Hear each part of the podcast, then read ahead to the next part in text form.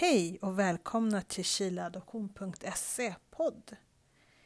I dagens samtal så um, kommer jag, Maria, prata med Tobias. Eh, Tobias var döpt till Eduardo i Chile men kom till Sverige som Tobias när han nästan var ett år gammal. Han, liksom eh, gårdagens gäst, eh, Eh, är född i Temuco eh, och kom till Sverige eh, 1978. Eh, vi kommer prata om eh, Tobias långa resa, eh, hans långa sökning på, efter sin historia och sin sanning. Eh, Tobias har i Chile blivit något av eh, ansiktet utåt eh, för oss eh, barn från ursprungsbefolkningen som eh, blev stulna från våra föräldrar. Eh, vi är idag vuxna men på den tiden så var vi ju barn. Vi togs från ungefär samma område Eh, Eh, och eh, själva domstolsbeslutet för att vi fick lämna Chile och komma till fosterfamiljer i Sverige var ju då i Temuco domstol. Eh, och så, Tobias kommer berätta om hur han genom DNA-test faktiskt hittar sin eh, historia och eh, får reda på att han är en av sex syskon. Eh, så jag hoppas att ni kommer känna igen er i det här avsnittet i Tobias berättelser, att det väcker frågor, funderingar och att det ger er en del av er och vår gemensamma historia. Tack! Ja, hallå! Eh, Hej Tobias! Hejsan! Hej! Jo, nu ska vi börja och spela in ett avsnitt om Tobias. Så jag skulle vilja börja med att fråga, vem är du? Jag är Tobias Örn från Temuco, Chile. Eh, mm. Men mitt egentliga namn är Eduardo Rocha Poliné. Mm. Och eh, du kommer från Temuco, Chile. Vilket år kom du till Sverige och hur gammal var du då? Eh, jag kom till Sverige 78. Jag var en månad, ett år gammal, elva månader. Ja, okej. Okay. Um, ehm, och du sa att ditt chilenska namn var Eduardo. Uh, hur länge har du vetat om det? Jag har inte vetat om det mer än ett år, en, ett halvår kanske. Eller 2019 var jag ner ja. i april efter mina syskon. Ja. Okej, så för då vet du då att Eduardo är ett namn som din familj har gett dig. Hur, hur, hur känner du inför det namnet? Eh, jag känner väldigt eh, blandade känslor, eh, både glad och lite så här awkward. Man är ju som inte van att ha ett annat namn, men samtidigt så är det ju väldigt roligt att veta att man har ett namn som man egentligen skulle ha haft, som är väldigt annorlunda. Mm. Vet du någonting om bakgrunden till varför de valde det eller du vet bara att det är det? Nej, jag vet bara att mamma inte hann eh, registrera det på register och civil. Mm. Det är det enda. Att hon, de döpte mig till det innan i hemmet så att säga. Mm. Ja, för när vi kommer in på det så kanske vi kan börja där. Det blir ju eh, för, för, att vi har ju kommit i kontakt eh, genom då, eh, ja, olika grupper då för adopterade från Chile. Och nu i chileadoption.se. Och eh, du har ju, jag vet inte hur länge du har sökt eh, efter liksom, ja. din historia och så. Jag har väl hållit på sedan år, år tusen när, när man börjar se de här programmen Saknad och Spårlöst försvunnen som TV3 visade. Mm.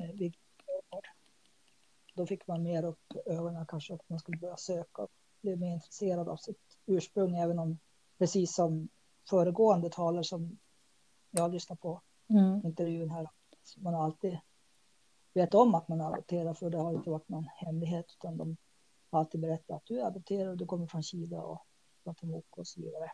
Mm. För, för vad har du vetat? Liksom, vad, du, vad har du haft med dig för historia? Eh, det jag har vetat är ju i stort sett bara de adoptionshandlingar som har funnits som, som AC då har skrivit mm. ihop. Eh, och eh, de här olika sociala assistenterna som skriver ihop det här. Det är det enda som jag har gått och vetat då så att säga. Mm. Om att, och där har det stått lite olika berättelser som inte har stämt då. Mm. Precis, för det är också intressant som du säger att du, det är lite olika berättelser i olika dokument, eller? Precis. Mm. Och det har ju senare visat sig uppdagas nu på senare år att det är ju förfalskat alltihopa och man har använt sig av en grundmall och sen så bara ändra om lite och gjort lite så här som man tycker och sen så skicka iväg mm. olika barn på olika adresser. Ungefär lite som målvakter, mm. adresser som man gör med bilar här hemma i Sverige. För, för vad jag tänker på att i dina papper så hade du inte några namn eller på föräldrar? Stämmer Nej, det? Nej, inga namn. Nej, det stämmer. Utan där hade de bara kryssat bort eh, fadern och moderns namn. Alltså de hade bara strukit ett streck att där finns det ingen, mm. inga namn. Bara för att kunna slussa ut mig så att säga på ett enkelt sätt. Mm. För, för, för vad jag tänker på um, uh, på ditt födelsebevis som du har då är ju något som inte dina föräldrar gjort, precis som du nämnde, utan det är någon annan som har registrerat dig i födelse eller i, i folkbokföringsregistret. Eh, var, var någonstans var det? Vi pratade om Johannas förra gången, men var blev du registrerad i vilken stad? Kommer du ihåg det? Jag blev, jag blev registrerad i Padre La Casas. Ja, okej. Okay. Vi får nästan föra lite statistik, för jag tror att det är ganska många, eh, både du och Johanna och också sagt. Eh, jag vet oh, ja, det är jättemånga av oss som är skrivna både på Padre La Casas och mm. alla möjliga ställen, adresser som finns. Ja. Men din familj bodde i Temuco? De bodde i Temuco precis, mm. i distrikt 9 hette mm. det. Och var ett eh, läger för mapuche-indianer eh, dit regeringen slussade alla som hade mindre bra ställt. Mm. Eh, och, så att man skulle kunna hålla dem där och ja, mm. förneka deras rättigheter och så vidare. För du har alltid också vetat genom det som står i papperna att du är liksom urbefolkning, du är mapuche. Du har alltid vetat det. Precis, det, det har stått i papperna att mm. jag kommer från ett sådant område och att eh, jag tillhör dem. Mm.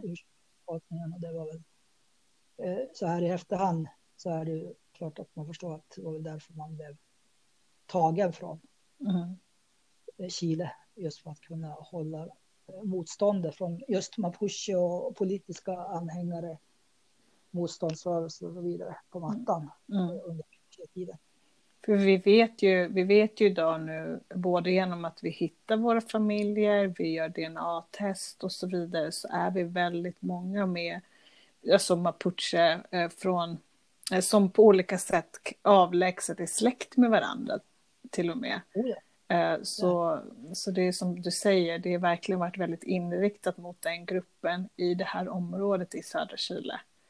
Um, så det är väldigt, väldigt tragiskt och upprörande minst sagt. Men um, så för, att, för, det, för, jag, för det är just den biten som du sa, du har vetat om att du var mapuche. Jag, och jag ska fråga dig tusen frågor till sen, men en sak som jag tänkte på när jag växte upp i Stockholm och jag hade inte, det stod inte i mina papper liksom att jag var mapuche. Mm. Eh, men någonting som jag hela tiden upplevde, liksom ju äldre man blev, var att for, för, för det fanns mycket chilener liksom runt om i Stockholm där vi bodde och det var alltid folk som liksom eh, sa hej och pratade spanska och kunde se på en gång att jag var från Chile. Men jag kunde inte se att jag var speciellt lik dem som närmade sig mig. Eh, och och liksom, jag var alltid mörkare och så och det var eh, svårt att eh, identifiera sig med andra, alltså utseendemässigt, även om man var från samma land. Och jag förstod inte riktigt varför förrän jag var i Chile. men, men, men, men, du, var växte du upp någonstans? Jag växte upp i Dalarna. eh, Och, eh, och så var det lite norr också. Men jag kom ju till Stockholm 78 och då bodde de uppe i Kiruna. Mm. I gruvdistrikten eh, under en viss tid. Och sen så har vi då flyttat runt väldigt mycket i gruvdistrikten i Sverige på grund av att jag jobbar som gruvingenjör. Mm. Så att det har varit allt från norr till söder till Dalarna till alla de här gruvdistrikten som finns i Sverige. Och Mm. eh, då har jag, då, precis som du säger, man inte passat in någonstans riktigt i facken. eftersom att jag har då varit den enda mörka personen i oftast i klasserna eller förskola eller vad det nu kan vara eller på området. Mm. Ja, Och även om inte barnen där då inte har varit eh, mottagliga eller de har inte varit, man har inte blivit mobbad på det sättet i området, men däremot i skolan kanske det har varit mer lite mobbning och sådär, men Mm. inte på själva området när man har vuxit upp. För nu har det varit, man har fått lätt kompisar och sådär. Mm. För du Men man har berätta, haft en- ja, för du berättade också att du har, du får berätta lite om det, för du har också bott i utlandet en period på grund av din pappas jobb då. Precis, Mm. jag har bott i Liberia, i Kepa under eh, tre års tid. Mm. Och hur gammal var då- du då? Då var jag, oj, vad är man när man börjar ettan? Man sex, sju, ja. ja. ja, sju år Ja. Eh, och då har det ju varit inga problem för att då är ju alla eh, eh, mörkare än själv, barnen där och alla vuxna. Det är ju Afrika vi pratar om så att det är Mm. ju väldigt djungelaktigt man säger så. så För du, du gick på en internationell skola och, och liksom de andra barnen, vad, kom de från för länder? Det var det mycket amerikaner? Ja, Och, Det var både amerikaner och europeer, alltså Tyskland, England, Holland, Sverige, Norge, Finland, alla som du kan då tänka dig som jobbar inom gruvindustrin då, som mm, hade ett camp där om man säger så. mm, Eh, Och, eh, och även då inhemska afrikanska barn som mm, gick i den skolan som hade lite bättre ställt som kunde då eh, betala en viss avgift tror jag att de hade där mm, för de barnen. Då. Vi internationellt, internationella barn, vi gick där gratis. mm, Så att eh, vi hade ju så många kostnader för det, men det var de inhemska barnen som fick betala istället. mm, Eh, men där känner man sig en, en annan tillhörighet, helt klart att man kände sig att man passade in lite bättre med mörka barn och sådär, även om det fanns då vita barn också. Men det var ett, eftersom att vi pratade engelska så blev det en annan sammanhållning och man kände sig inte utanför på ett, på ett sånt sätt som man gör i Sverige mm, på den tiden. mm. För du berättade, för, för du träffade en kompis där som också var från Chile. Ja, det gjorde jag. Ja. Det var kompis med en kille som också var från Chile, minns jag, men jag kommer inte ihåg hans namn idag. Då, men Mm, vart han bor då. Men vi blev jättebra vänner och eh, sen så förlorade vi kontakten då såklart när vi flyttade därifrån mm, eh, tre år senare. Eh, Men- han är idag, det vet jag inte, men jag gissar någonstans. Och det kan hända att han finns med i våran förening här, det vet man. Nej, vi får kanske kolla upp det. För han var Ja. också adopterad från Chile till Sverige Precis. och också tillfälligt bosatt då i Liberia. Precis. Ja. Okej, Ehm, spännande. F- för annars, liksom, ehm, du, ehm, har du liksom haft kontakt med andra adopterade under uppväxten? Eller nu har vi. som vuxen? Mm. Eh, under uppväxten så hade, hade, har vi haft det hela livet i stort sett eftersom att Mm. våran svenska sida, om man säger så då, eh, där har vi, är vi tre adopterade faktiskt i den släkten. Mm, Jag Okej. från Chile, en tjej från Grekland Mhm. och en från Turkiet. Så Ah. att eh, vi har ju varit en internationell familj, eller vad man ska säga. Mhm. Så det, har, det har ju inte varit något problem. Vi har haft jättekul tillsammans under uppväxten och så där och håller fortfarande kontakt med som vuxna och så där. Så, även om Mm. har familj. Ja. Så, så är det. Och, ja, och var är det du bor någonstans nu? Just nu så bor jag uppe i Norrland i Skellefteå. Ja, och det var där vi träffades. Eh, vad ska man säga, på riktigt. Jo, precis. I höstas här med, eh, för det tänkte jag också att vi kanske skulle lyfta lite, att eh, du och Nina eh, har hand om en grupp med adopterade från Chile. Precis, liksom. vi, har, vi, har, vi är väl en, säkert en tolv stycken här uppe i Norrland, om inte fler också. Jag har inte hunnit räkna mm. ihop. Det är ju allt från Boden uppe i norr till, till, i, till vad blir det? Gävle i söder. Mm. Mm. Eh, alla kan ju inte komma på våra träffar såklart eftersom att det är så stora avstånd. Mm. När vi har haft de här träffarna har vi ju varit ett gäng i alla fall. Och det, det som du var med på, det var ju också ett mindre gäng men i alla fall ett, ett bra gäng. Ja, absolut. Och det var nog liksom, jag har, det är inte så många träffar jag har kunnat gå på eftersom jag inte bor i Sverige. Men ja. där under hösten så träffades vi ju i Stockholm ett antal gånger. Jag var på en liten träff i Malmö och sen då hos er i Skellefteå. Och det var helt fantastiskt kul att, att träffa er och liksom. Eh, det, ja, det är intressant för att vi alla då kommer från, liksom, vi kommer från Chile och, och har liksom skickats och adopterats till Sverige och vuxit upp på alltså väldigt olika ställen och det är klart att det har ju format oss också. Eh, så mycket gemensamt och mycket eh, nytt. så det, ja, det var jätte, superkul måste jag säga. Ja, ja, även fast vi bor så, på, på så olika ställen så blir det ju som en sammanhörighet när man är från ett mm. och samma land. Att, äh, även fast man inte har träffat varandra mm. tidigare, när man kommer ihop så är det som att man aldrig som man har känt varandra hela livet i stort sett. Mm. Precis. Ja, i alla fall upplever det och så många andra också med mig som jag förstått upplever ja. det. Det bara, ja men det är kul, vad kul att du är här och jag. ja. Crazy. Dock, ja. ja, precis. ja. För jag tänkte vi skulle gå tillbaka för att eh, för beroende på hur ny man är i föreningen och om man liksom förstår och pratar spanska, om man har sökt rötter och så vidare. För att i Chile så har ju du blivit lite av ansiktet utåt för oss liksom mapuche-barn. Eller ja, vi var ju barn när vi lämnade Chile. Ja. Du har ju blivit det i Chile. Mm. Och eh, du, du, har bland annat då, du och din, din uh, syskon gick med på att göra som en typ av eh, information slash reklam video för det här eh, DNA-testet My Heritage. För, och därför tänkte jag att vi skulle komma in lite på på vilka sätt du har sökt dina rötter och hur du liksom till slut hittade eh, mm. din historia. Så mm. om du vill berätta. Ja, det var ju lite krångel också i början när man visste inte hur man skulle börja eller vart man skulle söka. Man satt och såg de här spårlöst och sakta och så filade man på något brev under 90-talet eh, och, och även 2000-talet och skulle skicka in då till de här ah. programmen.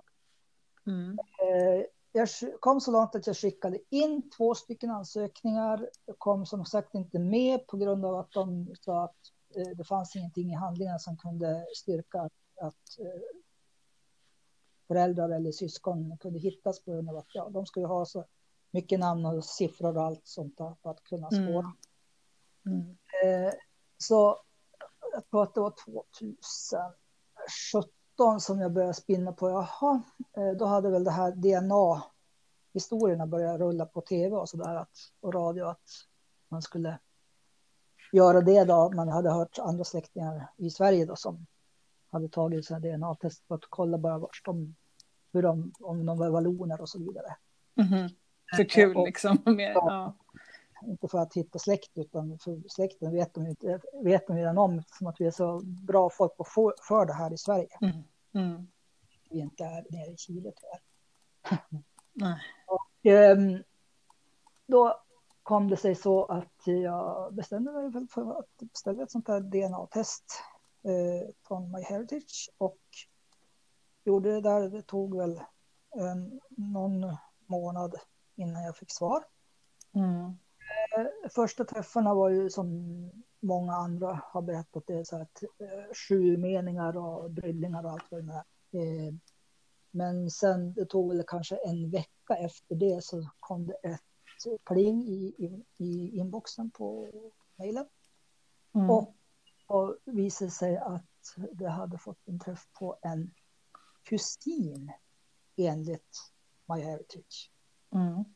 Eh, nere i Stockholm. Eh, och vi tog kontakt med varandra, eh, eller jag tog kontakt med henne.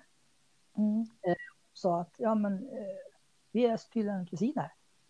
Eh, hon bara ja, det är jättekul och så vidare. Eh, att, och jag har också sökt och fått massa konster och du är den närmsta träffen som jag har fått hittills. Så det är Mm. klart, träffa dig, ja. Eh, det visade sig att hennes kille som också heter Tobias Mm. eh, har, har sina föräldrar här uppe i Piteå. Så sommaren 2018 blir det, eh, reste hon upp hit tillsammans med killen då för att de brukar semestra uppe i Piteå på somrarna, Mm. några veckor. Träffa hans föräldrar då och så vidare. Ja. Eh, får upp till Piteå här från Skellefteå eh, och eh, vi hade ett jättebra möte och samtal och eh, ja, det blev ju jättemycket tårar och kramar och så vidare. Eh, Mm. För att det blir ju känslomässigt när man träffar någon sån här släkting Mhm. som, som vi trodde då alltså var en kusin då. Mm. Eh, sen så hade vi kontakt under hela å- resterande året och vi eh, undrade hur ska vi gå vidare då för att hitta åt eh, våra föräldrar eller syskon eller vad, för att vi visste ju inte alls om våra föräldrar eller syskon levde. Då. Mm. Eh, vi, så hon tog och gjorde ett till test på Ancestry, Mhm. vilket gjorde att hon fick en träff med en syster i USA. Okej. Hallå, Hallå? bra. Eh, jo, så vi var inne på ehm, att du hade hittat eh, din kusin som bodde i Stockholm och det var genom MyHeritage-testet. Precis. Och sen så precis. gjorde hon ett Ancestry-test och hittade, En syster. ja, där var vi. Och, ja, och då tänkte jag, men jag gör också ett test och ser vad, vilket resultat det blir på henne då. Mm. Och då slog det ut att jag var, hon var min syster också. Det blev ju lite krångligt då eftersom att jag och den första tjejen var ju kusiner. Mm. Kan, och hon och hon var systrar med varandra. Hur kan jag då vara syster med henne i USA? Mm. Så vi gjorde som så att vi tog kontakt med eh, en förening som också finns på, på Facebook om Chile Adoption Search, Birth Family Search. Mm.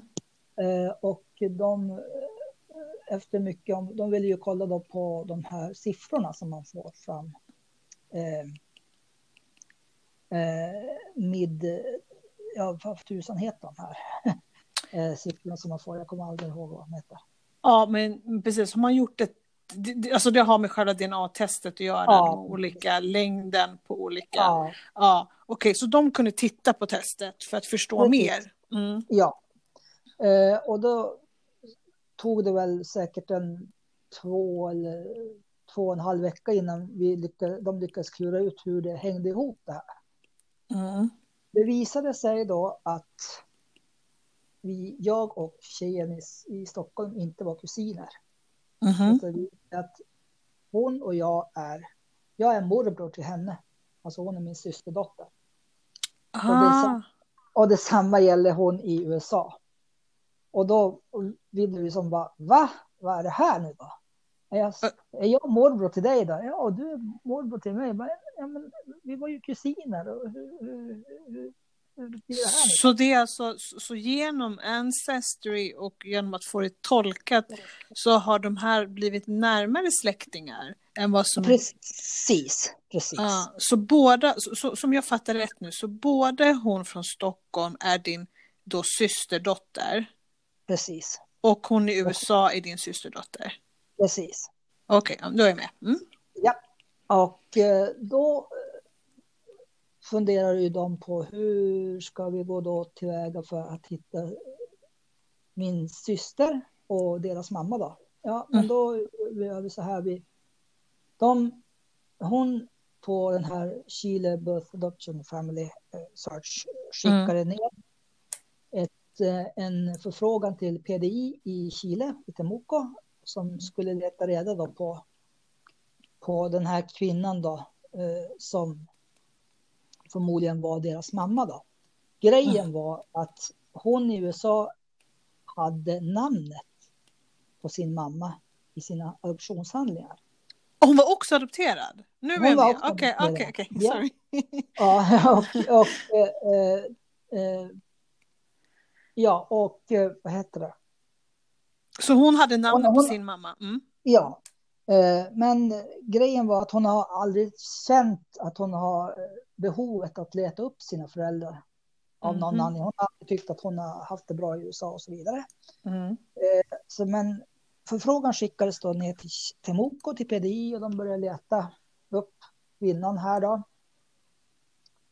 Och de hittade ju henne till slut och så gjorde de ett DNA-test på MyHeritage såklart för att Mm. få det utstakat då. Samt, och så gjorde de en dubbeltest med Ancestry för att hon fanns ju bara på Ancestry då, den här tjejen i USA. Mm. att eh, båda slog ut att ja, det var deras mamma. Och då visade sig då att mamman i sin tur är min halvsyster. Så yes, vi hade hittat hennes mamma, min halvsyster och nu börjar pu- pusselbitarna falla på plats. Mm.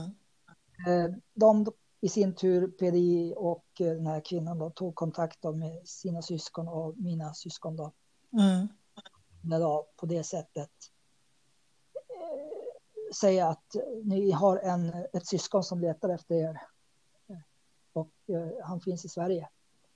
Eh, de trodde ju såklart inte på, på den här historien för de, de, de visade foton och sådär från Facebook såklart. Mm. Mm. Eh, för de, och de såg inte likheterna då först, men sen så när de...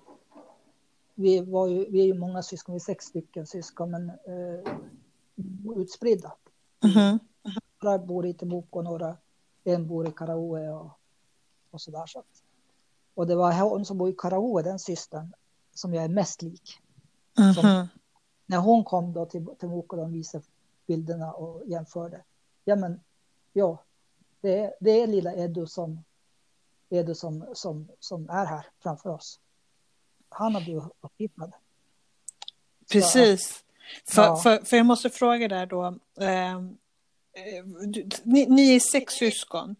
Eh, är Ja. du den yngsta eller vilken är, är du i Jag är- ordningen? Liksom? Jag är den minsta lillsparven som, som de tog helt enkelt. Mm. Och för nu har ju du fått din historia genom dina syskon, vad som hände. Precis. Och du- Han, Mm. jag fick, de gjorde ju ett, ett videosamtal då, eh, någon månad senare Mm. med hjälp av eh, te, tele, vad heter det? Television Mm. och eh, MyHeritage. Mm.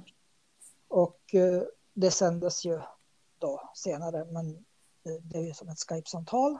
Mm. Eh, Det var ju väldigt eh, chockande och sådär, så att se dem första gången och familjen och alla. På äldsta brodern då, han grät ju såklart och, och berättade tårfyllt historien bakom hur jag försvann från Chile och till Boko då. Mm. Och så, så att, och vem jag, vem, vem min, vad min mamma hette och vad min pappa hette och att hur de, hur de då hade letat mig eh, och så vidare. Så att det var väldigt känslosamt. Mm. Det som, för det som, ehm, nu ska vi se, för du reste till Chile sen. Eh, Jag reste till Chile eh, i april 2019. ja. Fick träffa dem då för första gången eh, och då var det ju tv-team där och hela faderullan där. Så det var ju också en upplevelse. Eh, Mm. Jag hade ju förberett mig på det här eh, Mm. grejen. Hade, de hade sagt att vi ska göra den här dokumentären då, att den förlorade Mapuche-sonen kom hem till Mm. Chile som blev stulen Mm. 1977 från Pinochets, av Pinochets regim. Mm. Så att, eh, det var också en upplevelse, men det var väldigt varmt och, och jättebra. Hur länge var du där? Var det första gången du var i Chile då? Det är första gången jag var i Chile för att det var tänkt tidigare eh, under min uppväxt att eh, vi skulle ha farit ner till Chile och bara upplevt landet och personen och miljön och allt det här. Eh, mm. I, och inte göra något sökande på så sätt. Utan de tyckte att jag skulle bara få uppleva Chile i, i sin skönhet så. Mm. Men den resan blev aldrig av för att jag som ung så är man väl lite så här velig och man vet inte riktigt vart man ska, vad man vill och så vidare. Ja, jag har ju aldrig varit ungdomar så vi vet ju hur det brukar vara. Mm. och sådär så att, nej, men det här, då blev det den här den första resan då. Ner till mm. För att du, växte du upp som enda barnet? Det glömde jag fråga i starten. Eh, nej, Eller hade du syskon? Mm. Jag har en yngre bror som är deras biologiska egna barn. De fick ju ett barn då tre år senare efter att jag kom. De ju lossna som sagt var. De hade försökt tidigare att få, barn. Mm. Eh, det var stopp så att då löste de det med att adoptera. Och sen så brukar det ju lossna när man har fått det första barnet. Och, som alla mm. ser, lossna då. Mm. Eh, så han är tre år yngre och, och är eh, mycket längre än, än alla andra i familjen. Så att han har, han har ärvt några långgener som ligger bakåt i släkten där. För, för vad, vad, jag tänker att det måste ju vara en otrolig kontrast att liksom, ni vet inte, du kanske har, alltså jag tänker att du, du, om du växte upp då med en bror och så kommer till Chile och ni är liksom sex syskon. Det, mm, och jag kan tänka mig att det är... Kontrast som heter duga, alltså här i Sverige är jag den äldsta och ska vara storebror till den här tre år yngre lillebrodern då. Aha. Inte biologiskt, men. Och sen kommer man då till Chile och så har man då fem stycken äldre syskon på halsen. Eh, som, som, pekar med hela handen. Ja, nu ska du göra så här och du ska göra så där. Och nu är det bara att du gör som vi säger för att vi är dina äldre syskon. Ja, bara, ja, ja. Äh, vänta nu. Um, omhuldad rejält. Som, mm-hmm. som den minsta, yngsta och så vidare. Mm. Nu släpper mm. dig på fem öre utan vi håller det här. hur, hur gick det med språket? Liksom, hur mycket spanska liksom, Man, det är ju krasch, förstår och pratar? Det är kraschkurs i, i, i chilensk spanska, precis som föregående intervjuperson berättade. Mm. Man, man förstår mer än vad man kan tala. Mm. Eh, även om det är slang och så där. Man, förstår, man har förstått efteråt att det är mycket slang för att det är kapat ord här och kapat ord där. Mm. Ihopskruvade ord och det är lite allt möjligt. Så, men ja, man klarar sig bra med dagens appar och grejer. Och, och man kan ju svara på si och si klara och så, no, och så, och så vidare. Mm. Eh, om, men de pratar ju som sagt var i ultra rapid fart. det, det, får man ju, får man ju säga åt dem att ja, slow down, slow down, eller ja, malo, malo. Mm. För att du, för nu tänker du träffade dem, jag, jag träffade, jag träffade din, liksom din äldsta bror och en syster eh, i januari. Ja. Jag och min bror Daniel träffade ju dem. Eh, för de var väldigt eh, engagerade liksom och, och, och det var viktigt för dem att dela liksom din historia, deras historia. Mm. Eh, det finns ju då den här, um, vi har ju, har ju turen, vi har ju eh, Jeanette Velasquez i Tumuco som är liksom lokalkoordinatör, säger man det på svenska, ja. koordinator, Eh, för Hijos de Madres. Och hon, har ju, hon gör ju ett stort jobb att liksom återförena då eh, familj. Och hon har ju sett mönster i det här. Och hon har ju vad jag förstått eh, ja, att hon bjöd in eh, din bror och syster till en en träff kan man säga på ett universitet i Temuco mm. där, som var öppen, där andra som letade då efter sina familjemedlemmar och så. Det var lite media och sen så var det andra som letar och så som sagt då berättar ju eh, din, din bror främst då eh, om vad som hade hänt då när du försvann och, och så vidare.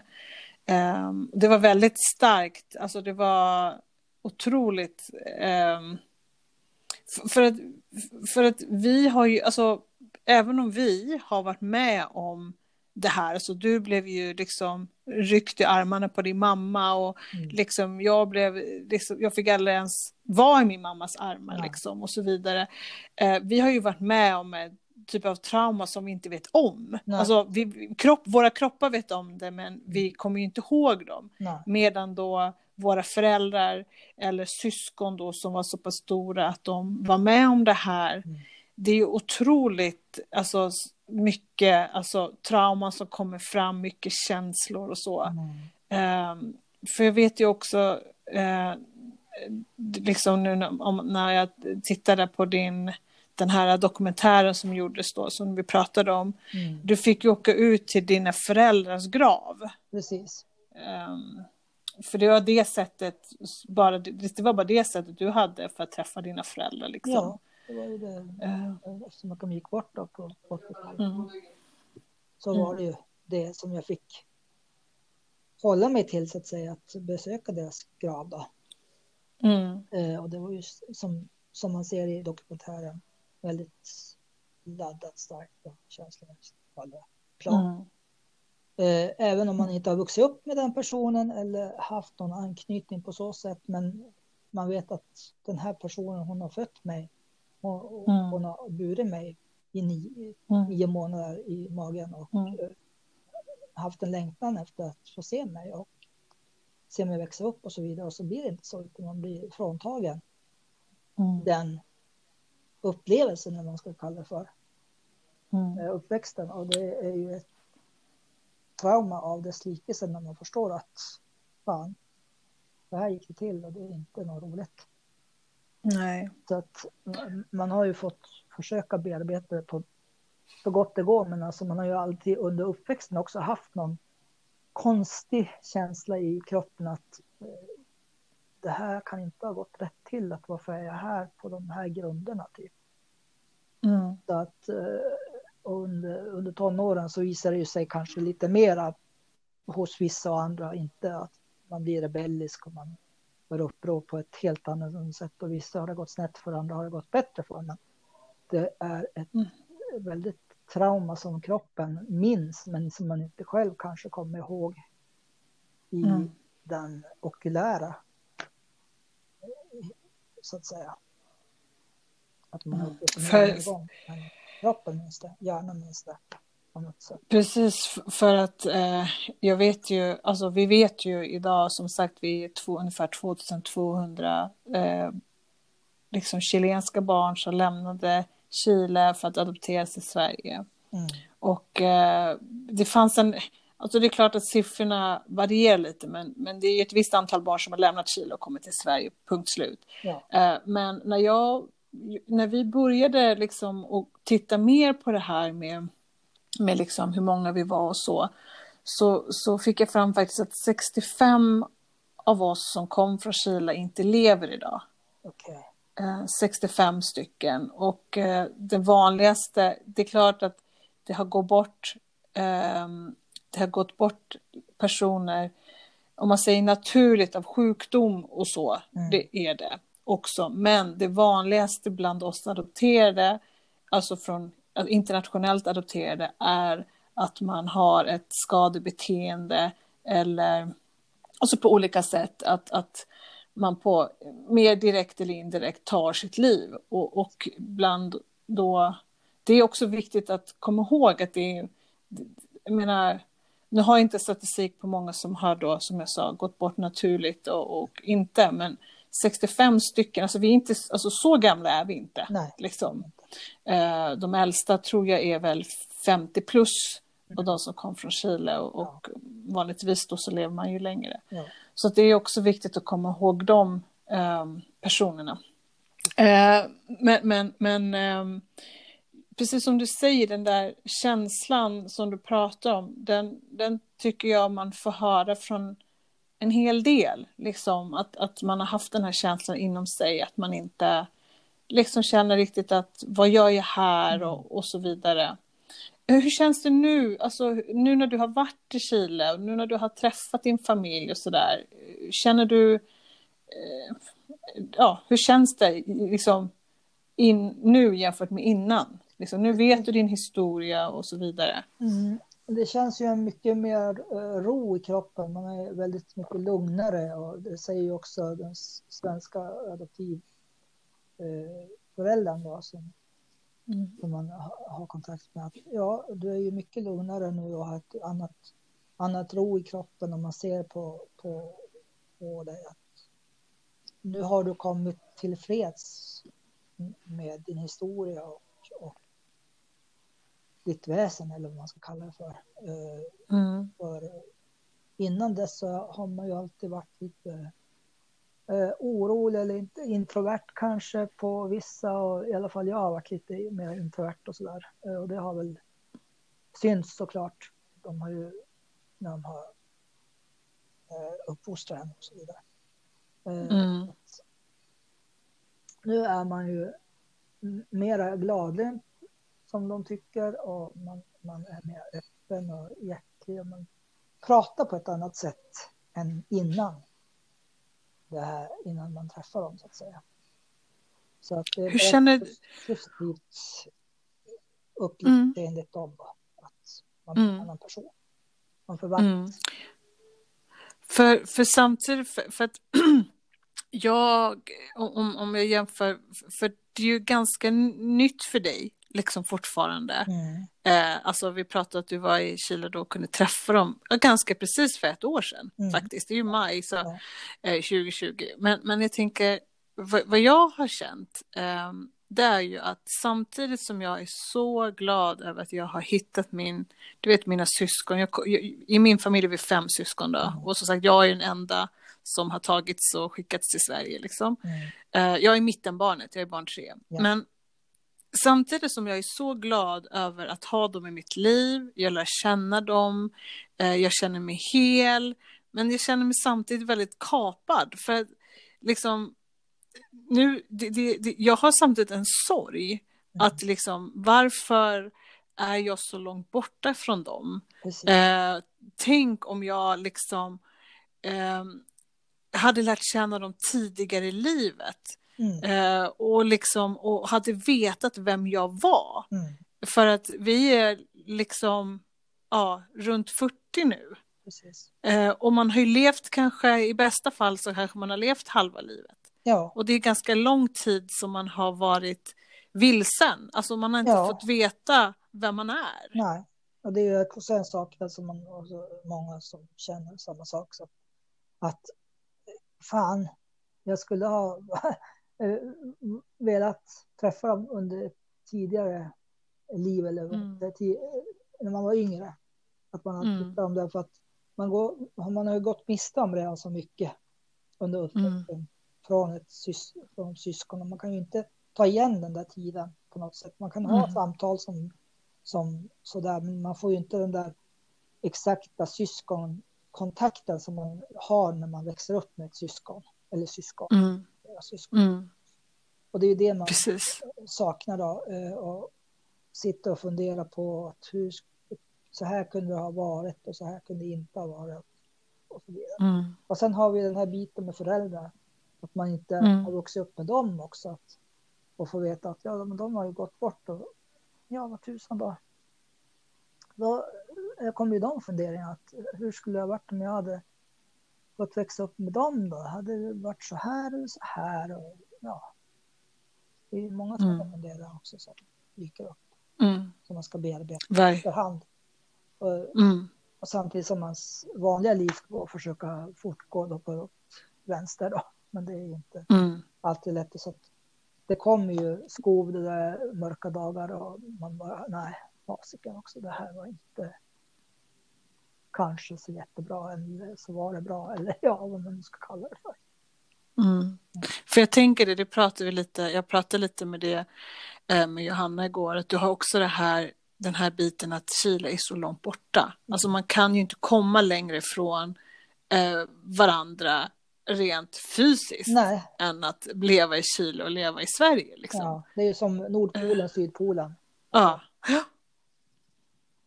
Så är det. Verkligen. Mm. Och, Och, och, så, för, att, för, du, för du vet att vi pratade lite om um, på träffen här i Skellefteå i september att när, när ska du resa nästa gång? eh, ja, Liksom. ja, ja, det kan man ju också undra. Och nu med det här pandemin här som har kommit och Ja. ställt till det för hela världen då.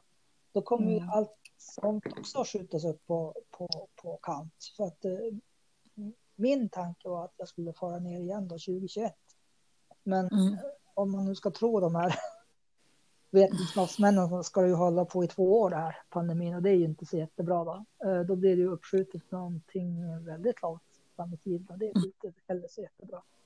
Och då förlorar man ännu mera kontakt även om man kan ha kontakten via WhatsApp och allt vad det nu är, Skype och Mm. Facebook och allt vad det nu kan finnas för någonting. Mm. För jag vet inte hur du är. Ja, jag vet inte hur du är, men, men alltså, jag tänkte på det igår faktiskt efter jag hade pratat med Johanna. Mm. Att jag, jag är, alltså nu har jag haft kontakt med då eh, mina, alltså jag fick kontakt med en syster redan då 2003. Mm. Vi hade liksom kontakt och men hon lever inte idag. Men mina andra syskon som jag hittade 2016, Mm. de, eh, alltså vi är ju vuxna, har familjer och barn själva och jobbar och Mm. ja, som sagt bor på olika ställen i världen. Ehm, eller ja, men i alla fall att, att vi är väldigt bra på att skriva meddelanden till varandra. Mm. Men vi är inte jättebra på att ringa varandra. Nej. Eh, och, och igår blev jag så efter jag hade pratat med Johanna, men gud varför ringer jag inte för? Så då gjorde jag faktiskt ett Facetime-samtal Mm. och pratade ganska länge med min storebror. För att jag blir lite så här, när jag, alltså jag saknar dem så otroligt mycket. Alltså just det här, för, för du blev lillebror och jag är stora syster, eller jag har då vuxit upp som en stora syster, Ja. men jag är lilla syster där. Och liksom jag saknar dem så mycket. Och, och det är ju nästan lite ont att ringa. Ja. Alltså för att då känner jag hur mycket jag saknar dem och då är det bättre att jag inte ringer. liksom. Ja, alltså det är samma, Eh. Ja, men igår så i alla fall så passade jag på att ringa. Jag bara, nej, nu ska jag börja göra det här. För att som du säger, på grund av den här pandemin, man vet inte nästa gång man Nej. kan resa. Alltså jag, min plan var att jag skulle resa nu i maj. Mm. Det var liksom min plan Ja. som jag hade sett fram emot, vilket jag förstod ju för ganska för då ett par månader sedan att det inte var möjligt. Mm. Men det var liksom det som jag hade. Och, och, och, och, och även om då liksom jag har alltså, liksom, jättefint liv med man och barn och, Mm. och allt sånt där så, så Chile och min familj där är en- del av mig också. Precis. Och deras omständigheter, de, deras omständigheter gör ju att de kommer aldrig kunna resa och hälsa på mig någonstans. Det. Utan om jag ska träffa dem så måste jag resa dit. Mm.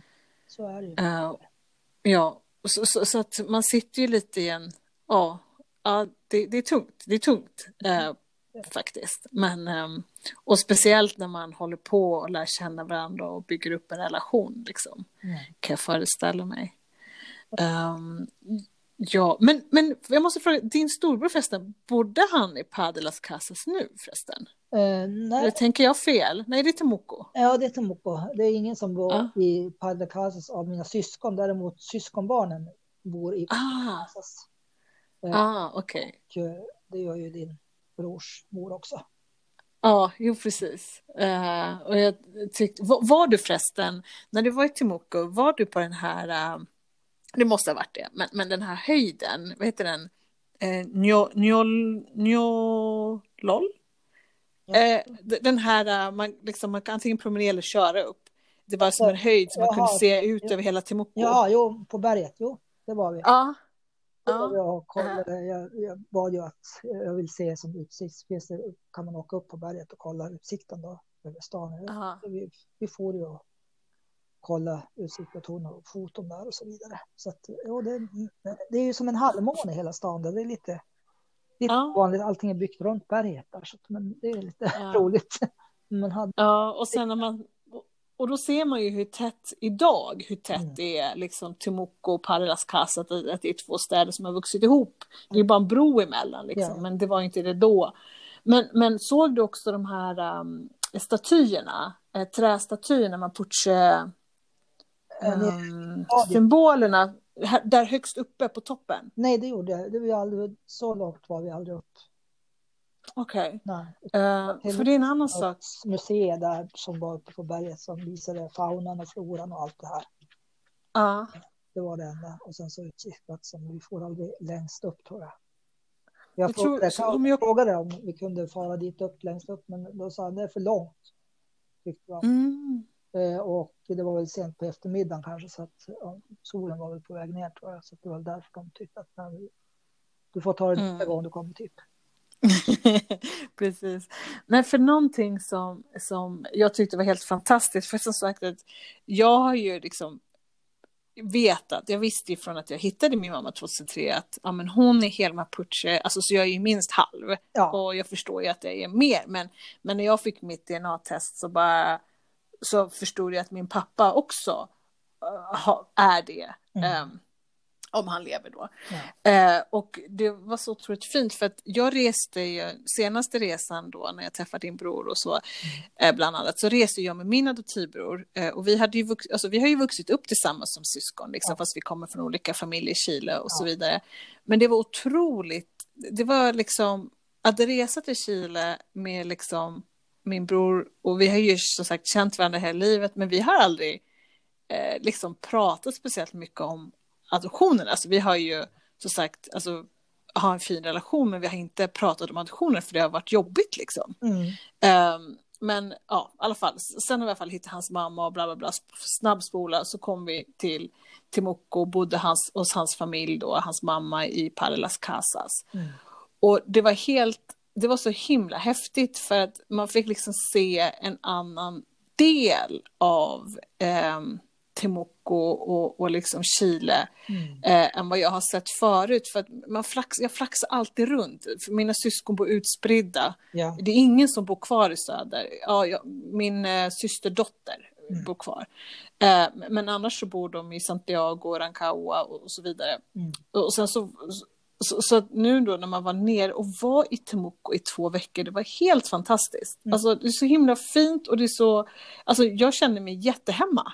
Alltså, Det gör man ju det. eh, Det gjorde jag. ja, bara att vara liksom på, vad ska man säga, på, i, på, i området liksom. Ja.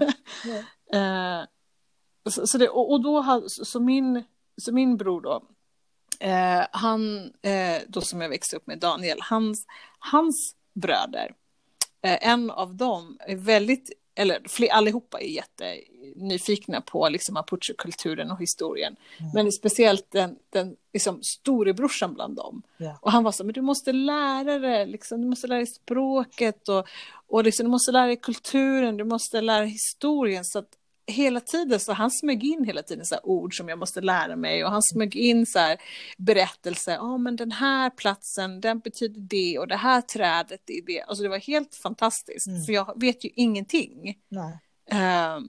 F- för att när jag har varit i Chile tidigare och liksom varit nyfiken på historien och mapuche-kultur och så vidare, det har varit så tidigt, liksom, vi har pratat om alltså slutet på 90-talet och, och början på 2000-talet, då var det liksom lite, man säga, lite fult nästan Mm. eh, att vara urbefolkning. Men nu så kände jag att det hade liksom förändrats positivt. Ja. Ehm, och så vidare. Och, och senast igår såg jag att det fanns faktiskt någon onlinekurs. Eh, man kunde få en introduktion till språket. Och jag bara, oh, jag försöker signa upp, vi får se om det går, Ja. jag inte bor i Chile. Men, Mm.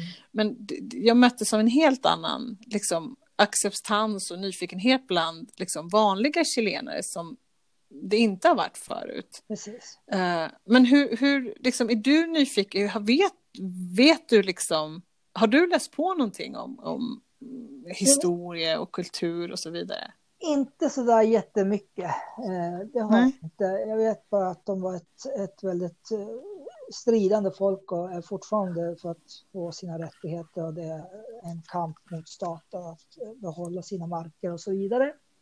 Mm. Mina syskon, de, är de som är halvsyskon, de känner ju sig till mapuche, men de vill ju som inte ha någonting med deras eh, ritualer och sånt att göra. Sånt att göra.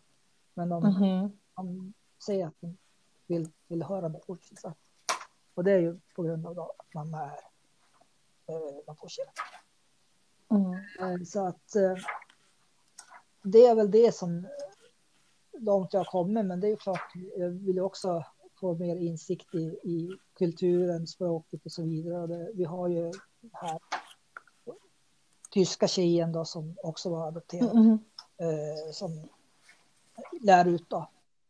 Mm. Eh, vad, heter, vad heter språket? Jag kommer aldrig ihåg. Ja, det, det, det, jag har undvikit att sagt det bara för Ja. att eh, jag skulle säga Mapu Dungun. Kan det vara rätt? Maputsungon. Ja, förlåt om jag säger fel. Nej, Maputsungon. Så är det. Ja. Maputsungon. Mm. Eh. Ja. Och så säger man hej, Mari Mari. Ja, Marie, Marie, Det kan jag. så. Ja, det, det, det, det, det är det man kan. Och så, Joppi Joppi, ja, jag vet inte vad det är. De, min, en- en, den här ja, systern, eller eh, systerdottern som eh, finns i, i, i USA och eh, Stockholm, deras mamma, Ah. hon är mera, mera eh, mapuche-mottaglig så att säga. För hon har lärt Ja. mycket av, av språket där. Så hon, hon försökte ju där då, lära mig då lite fraser. Ja. Att, och även Ja. dottern där, eller systersonen där. Ile då. Eh, han är väl också lite mer eh, inom kulturen där och försöker, försökte lä- lära mig några fraser där. Men, och de hade ju skrivit också på de här skyltarna som när jag kom då, både på svenska, Aha. I eh, spanska och eh, på Maputsogo. Ja. Välkommen då till hem till Chile, till Mopo, till familjen då. De skriver. då. Ja. Det ser man Ja. där, videon där. Ja. Heritage. Eh, som jag har lagt märke till nu efteråt. Att, oj, det var ju Maputsogo som hade skrivit där. Det var kul. Mhm. Trevligt. Ja, verkligen. Men Verkligen. Att ja, du tillhör Mapuche. Mm. Jag tänker. Jag tänker att.